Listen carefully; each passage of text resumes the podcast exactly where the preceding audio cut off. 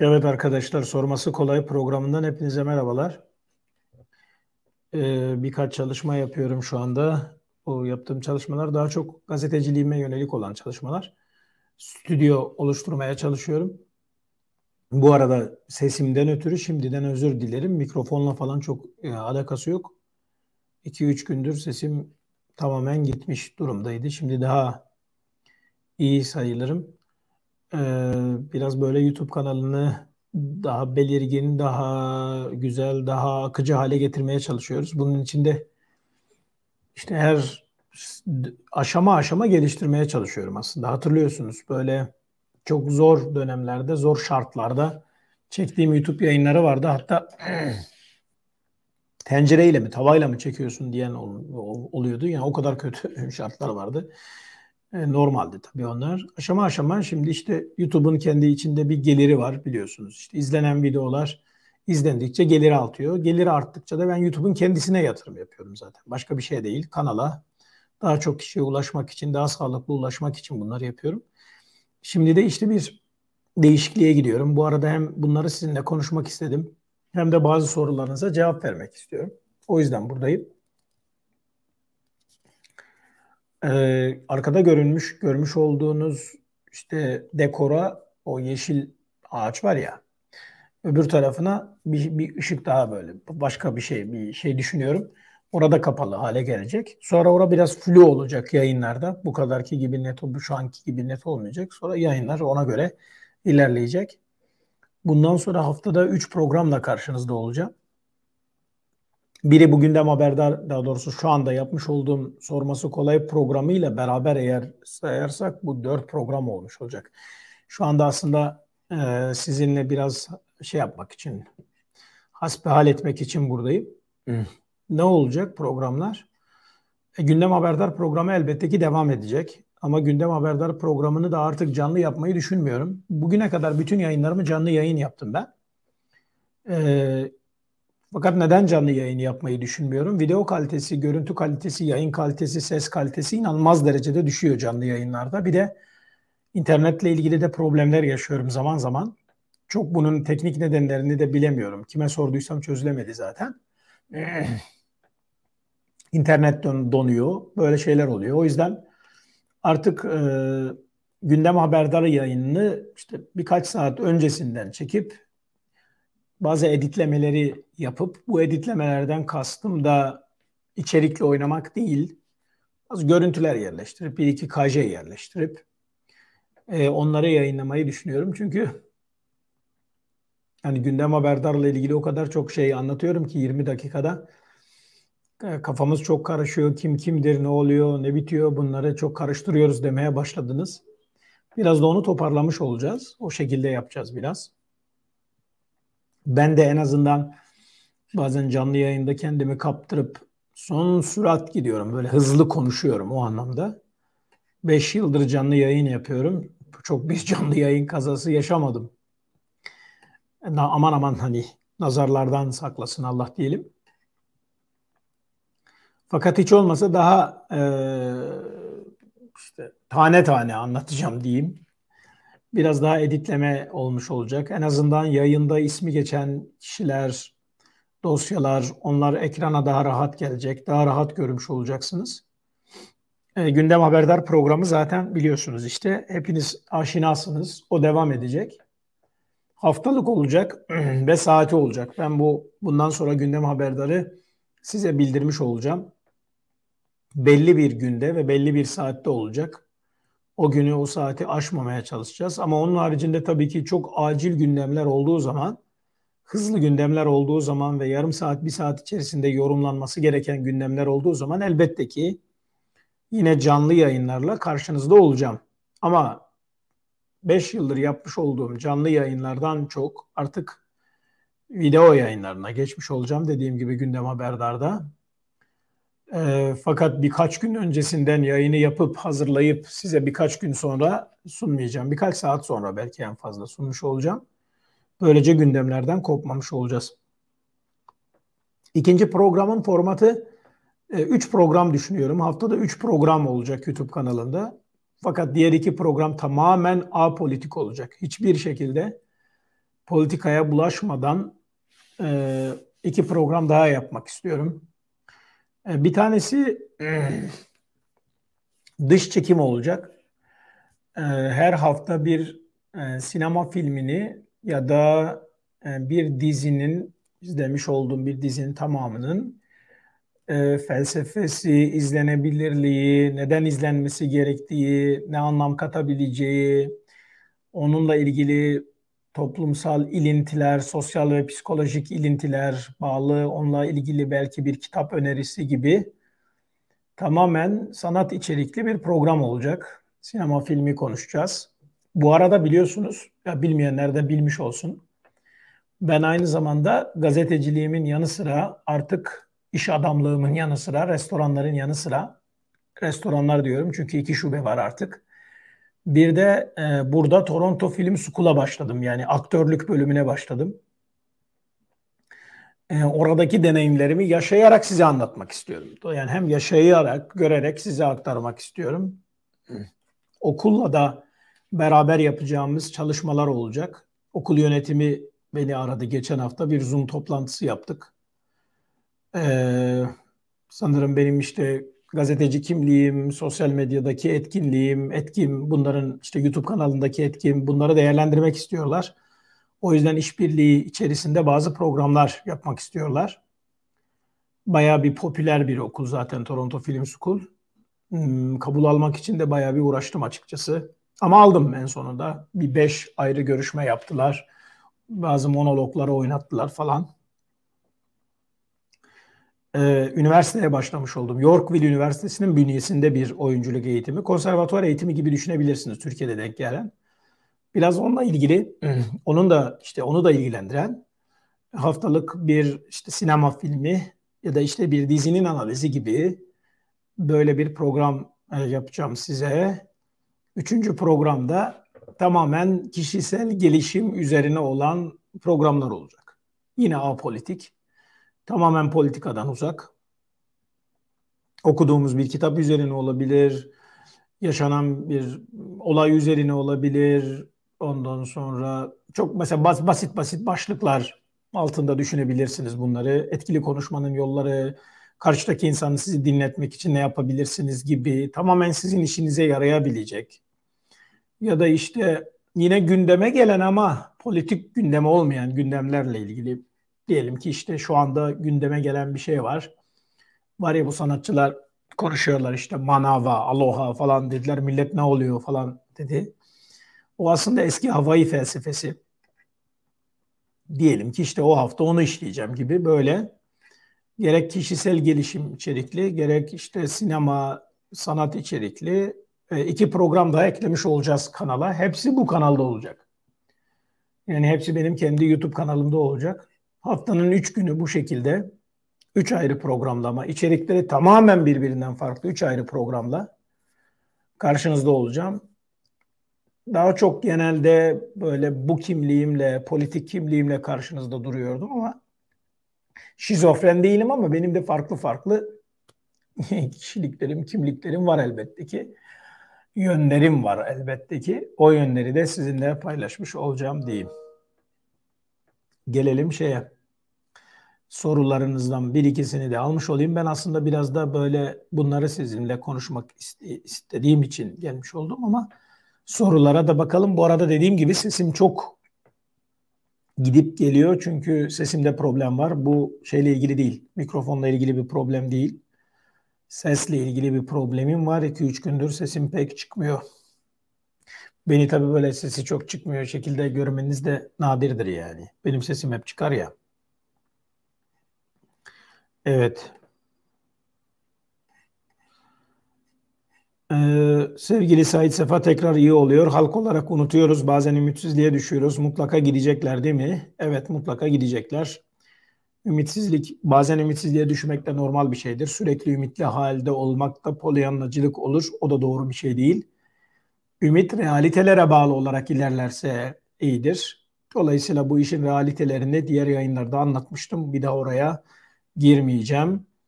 Ee, böyle bir şey ekrana şimdi getireyim. Mesela Hollanda'dan sevgiler saygılar gibi bir şey getirmiş olayım.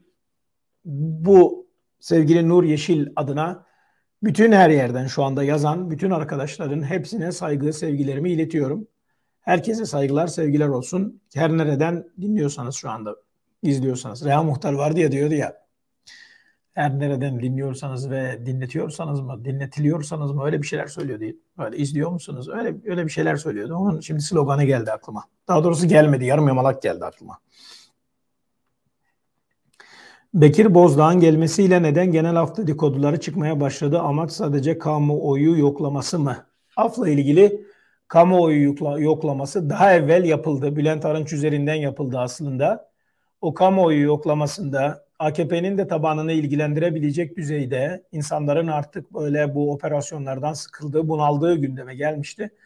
Buna rağmen devam ettirildi operasyonlar. Bu bir kamuoyu yoklaması değil e, sorunun içerisinde cevabın kendisi saklı. Zaten Bekir Bozdağ'ın gelmesiyle hafta dedikoduları başladı.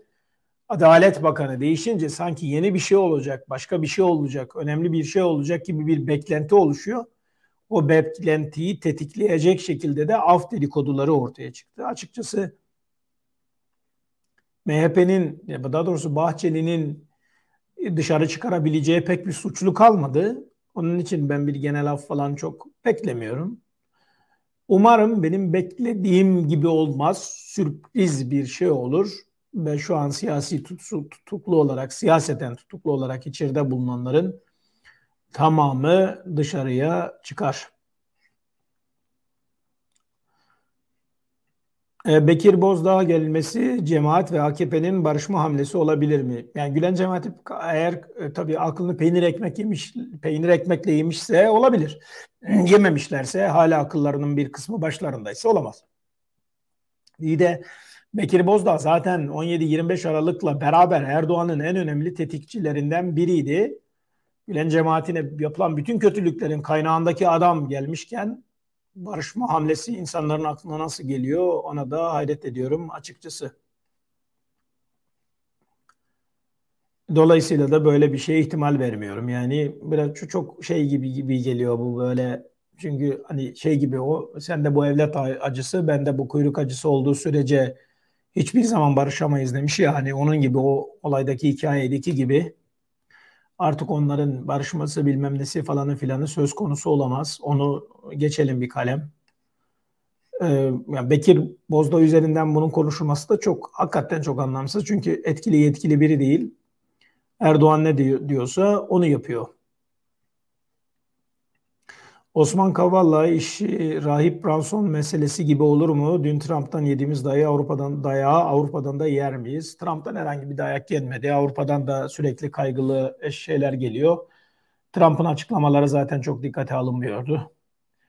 Ee, dolayısıyla da bunu geçelim. Ee,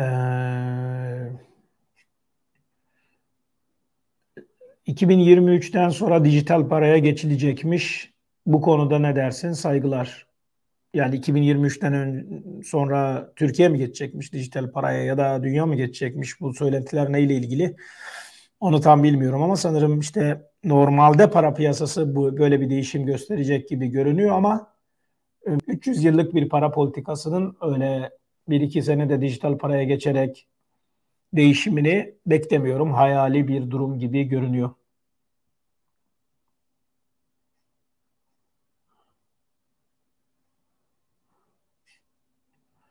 Yurt dışındaki KHK'lılar Türkiye'ye dönebilecek mi? Türkiye'deki konjonktür değişirse ve KHK'lılar da isterse dönebilecekler. Türkiye'de konjonktür değişecek mi? Bu iktidar değiştikten sonra birçok şey değişecek şu andaki mevcut rejime takılı kalıp bu mevcut rejimin konjonktürel olarak üzerimizde oluşturmuş olduğu olumsuz etkiyi, negatif etkiyi çok fazla ön plana çıkarmanın pek kimseye bir an, bir anlam ifade etmeyeceğini, pek kimseye bir faydası olmayacağını bilmemiz gerekiyor.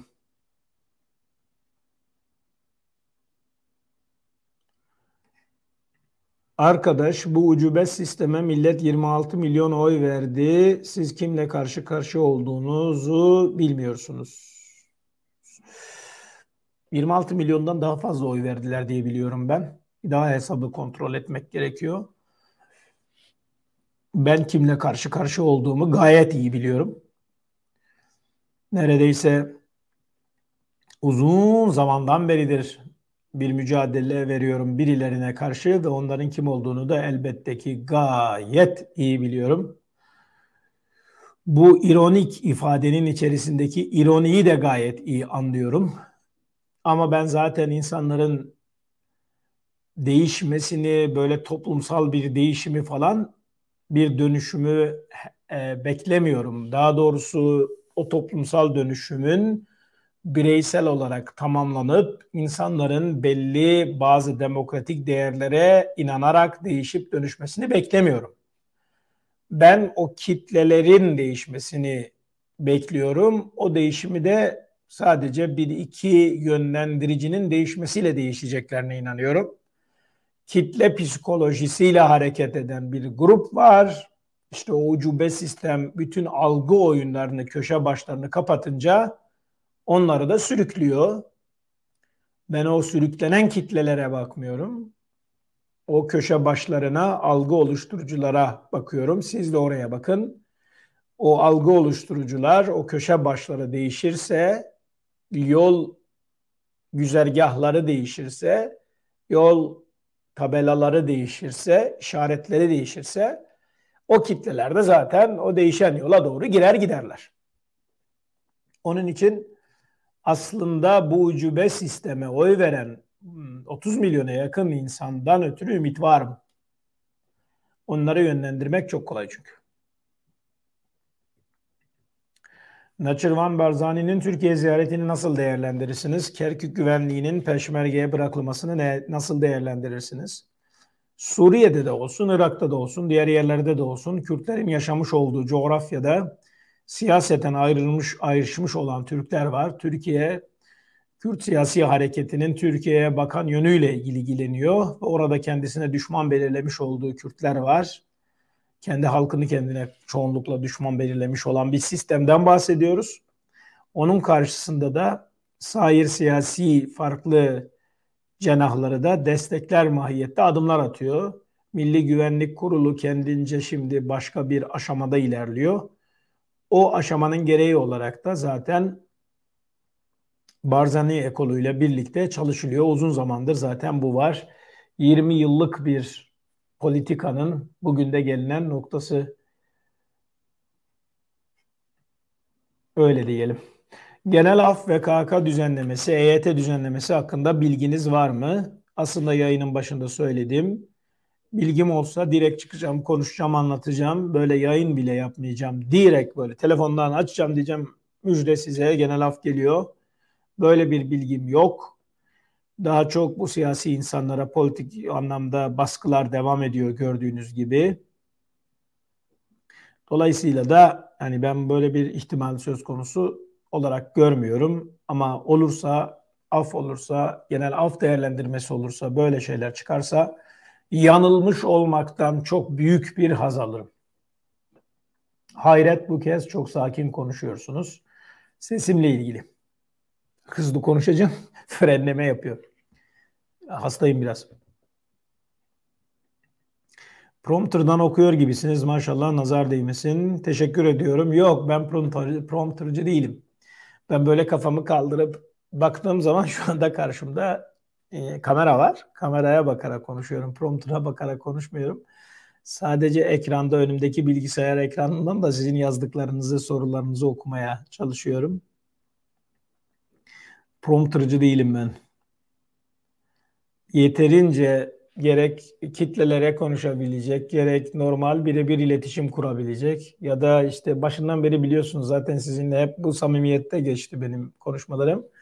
Ya da böyle sizlerle işte konuşabilecek. Şu anda kimle kaç kişiyle konuşuyoruz? 1065 kişiyle konuşuyoruz şu an canlı yayında. Ee, yani yeterince rahat kendimi ifade edebilecek kelime haznem ve bilgim olduğunu düşünüyorum. O yüzden prompter'a ihtiyaç duymuyorum. E, bu da okuyup araştırmakla ilgili. Okursanız, araştırırsanız, biraz zaman ayırırsanız kişisel gelişiminize o zaman prompter'a ihtiyaç duymazsanız, duymazsınız. Ama sadece ve sadece popülist yaklaşımlarda insanları kandırmaya ve aldatmaya yönelik biriyseniz ve bütün zamanınız onun üzerine geçiyorsa Yapacağınız tek şey her dakika önünüze bir prompter koymak olur. Boş çünkü. Boş insan ne ne ne olacak yani boş boş bir şey boş insan elbette ki prompterda yazılı olanı okumak zorunda kalacak. Kimseden bahsetmiyorum yani. Yanlış anlaşılmasın.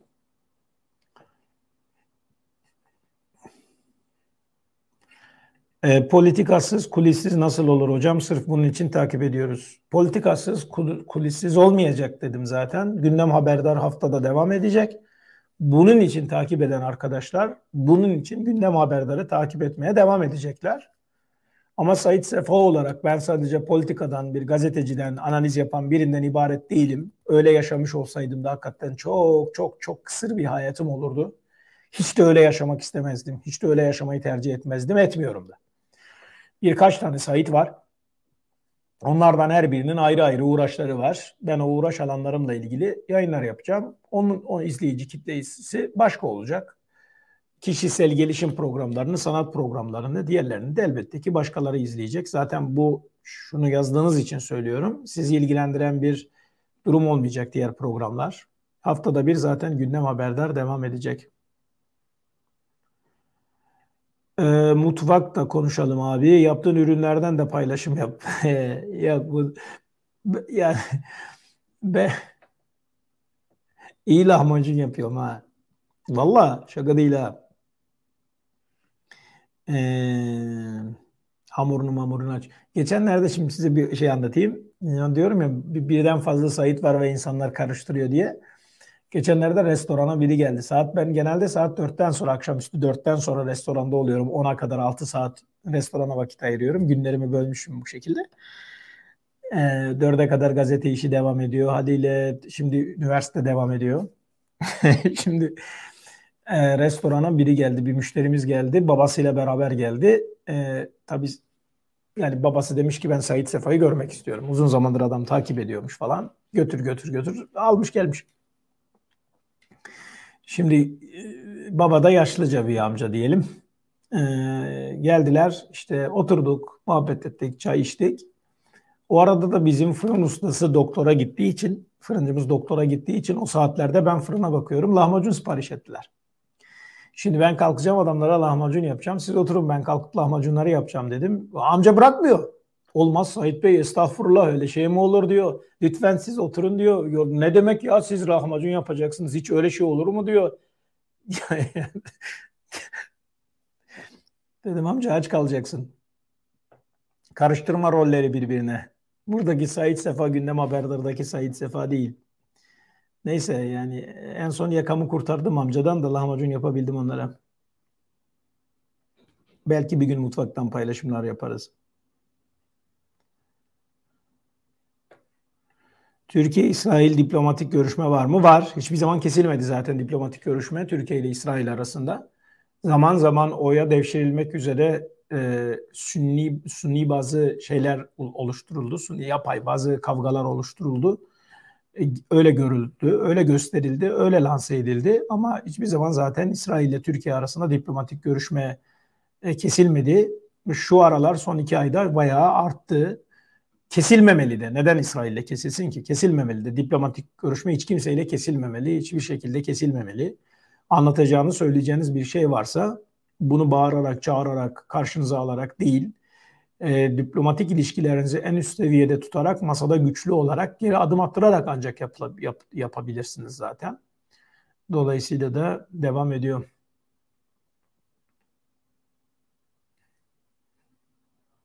Yoksa devam ediyor. Ticari ilişkilerde devam ediyor. Bunların hepsi devam ediyor. Erdoğan'ın ahim kararlarını tanımıyoruz sözleri ne ifade eder? Aynı Hasan Babat'ın sorusu. Yani e, daha önce söylemiş olduğu cümlelerle aynı. Kendisi Türkiye'yi kapalı bir toplum haline getirmek için, kapalı bir devlet haline getirmek için uğraşıyor. Bunun içinde bu tip söylemlere sürekli ihtiyaç duyuyor. Bu tip uygulamaları yapıyor. Zaten de ahim kararlarını da uygulamıyorlar gördüğünüz gibi.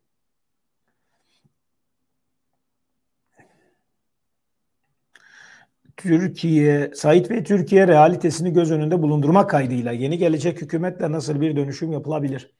Türkiye realitesini şu anda mevcut bulunduğu konjonktörle göz önüne almayın zaten. Bu konjöktür boğucu bir konjöktür. Bu konjöktür 100 yılda bir oluşan tuhaf bir konjöktür. Ucube bir sistem. Medya kilitlenmiş, iş adamları kilitlenmiş. Herkes satın alınmış. Birçok bir tuhaf bir düzene girilmiş. Hukuk ayaklar altına alınmış. Devlet içerisindeki mekanizmaların tamamı birbiriyle kavgalı. Başka bir konjöktür. Dolayısıyla bu konjöktür değişecek.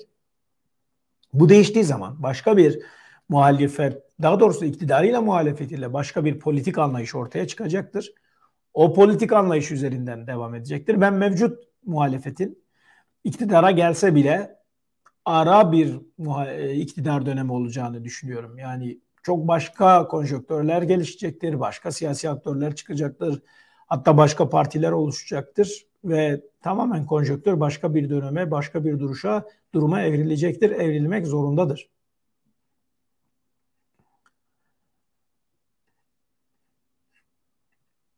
Sarayı yöneten bir oligark e, klik varmış. Kontrol bizden çıktı diyorlarmış. Buna ne dersiniz? Bismillahirrahmanirrahim. kimmiş? Bunlar kimmiş ya? Hem kontrol hem klikmiş hem yönetmişler hem kontrolden çıkmışlar falan olmuş filan olmuş. Hey maşallah ne klikler varmış. Yok ya öyle şeyler. Güldürmeyin insanı şimdi. Bu Erdoğan yönetiyor işte adam ya. Etrafıyla yönetiyor. İşte insanlar ona şey demiyorlar. Böyle bir adam mı yani prompterdan konuşabilen sadece bir insan mı yani? yani ya da işte çok küçük görüyorlar işte lan, lan bu mu lan yani bütün her şeyi yapan falan gibi bakıyorlar. Bu kafayla bakarsanız böyle bir tarzla yaklaşırsanız yenilmeye mahkum olursunuz. Bu yapıyor işte bu adam yapıyor yani. Bazen olağan dışı görünen her şey aslında olağanlığın bizzat kendisidir yani. Olanın bizzat kendisidir. Böyle bir adam var yönetiyor, yürütüyor. Ee, insanların zaaflarını çok iyi biliyor. Kimi nerede nasıl kullanacağını, nerede satın alacağını çok iyi biliyor.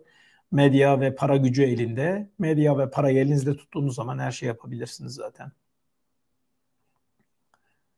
Ee, Erdoğan koltuğu kan dökmeden bırakır mı? Onu zaman gösterecek. Ona bakacağız. Onu bir göreceğiz. Ama bunu konuşmayı doğru bulmuyorum. Hep söylüyorum aynı konu açıldığı zaman. Önce bir kaybetsin. Önce bir koltuğu kay- kaybetsin. Sonra bakalım bırakıyor mu bırakmıyor mu. Ee, önce seçimleri kaybetmesi lazım.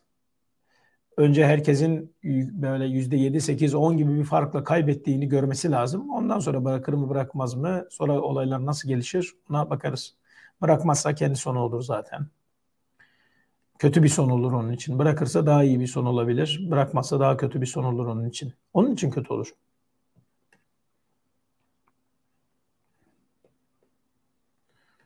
Evet, şimdi 30 ıı, dakika oldu, olacak neredeyse. Biraz daha e, soru cevaplamış olayım hızlı hızlı. Sonra e, şey yapalım. Sonra bu programı şimdilik bırakalım, şey edelim, sonlandıralım çünkü şey olacak zaten. Ee, haftada 3 gün karşınıza gelmiş olacağım zaten. Gündem haberdar sabit devam edecek dediğim gibi. Diğer iki programında içeriği farklı olacak. Bir de bir, taraftan yani şeye çalışıyorum şu anda çünkü bazı international uluslararası televizyonlardan ve uluslararası bazı gazetelerden hem yazarlık teklifi aldım hem de yorumculuk teklifi aldım hem de zaman zaman beni Türkiye politikası ile ilgili e, ve Orta Doğu politikası ile ilgili yayınlara çağırıyorlar. Onların hepsine benim bu politik meseleleri konuşabilecek düzeyde İngilizcem yok demekten yoruldum.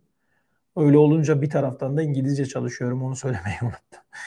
Biraz da onların yoğunluğu geçiyor. Yani mazeretle gelmedim karşınıza ama gerçekten çok yoğunum arkadaşlar. Vakit böyle yetmiyor. Ee, uzun zamandır uyuyabilen biri değilim zaten. Uyku noktasında bir problemim yok. Ee, yani şöyle uyku noktasında problemim yok derken günde 3 saat 4 saat uyumak yetiyor. Ee, oradan zaman kazanmış oluyorum belki biraz. Onun haricinde bunları yapmakla işte devam ediyorum. Sorumlu gibi hissediyorum. Bu konjonktörde o sorumluluğu da işte bir şekilde üstlenmiş gibiyim. Bilmiyorum ya. Belki de işte bazen şey gibi hissediyor ya insan. Ne bileyim. Don Quixote gibi hani yer değirmenleriyle kavga ediyor gibi hissediyorsun. Bazen oturduğun yerden kendi kendime çok kendi kendine çok böyle önem atfettiğin, rol biçtiğin oluyor ya işte o tip Öyle geçiyor işte zaman ya. Ee, ama bayağı yoğun geçiyor. Evet. Tamam. Bırakalım. Bırakalım. Bırakalım ya 30 dakika oldu zaten. Ee, kendinize iyi bakın arkadaşlar.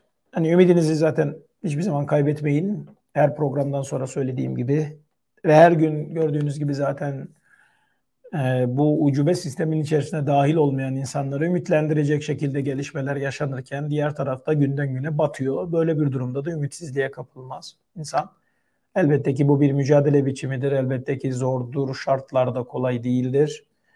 Dolayısıyla da biz devam edeceğiz aynen mücadelemize. Şu an saat 3'ü 6 geçiyor. Ben kaçmak zorundayım çünkü şu an bu yayını kapatacağım. Ve Zoom'dan bir ders başladı. Şu anda üniversitede ders başladı. Ee, film film tarihi dersi yani History of Movie gibi bir şey var, ders var.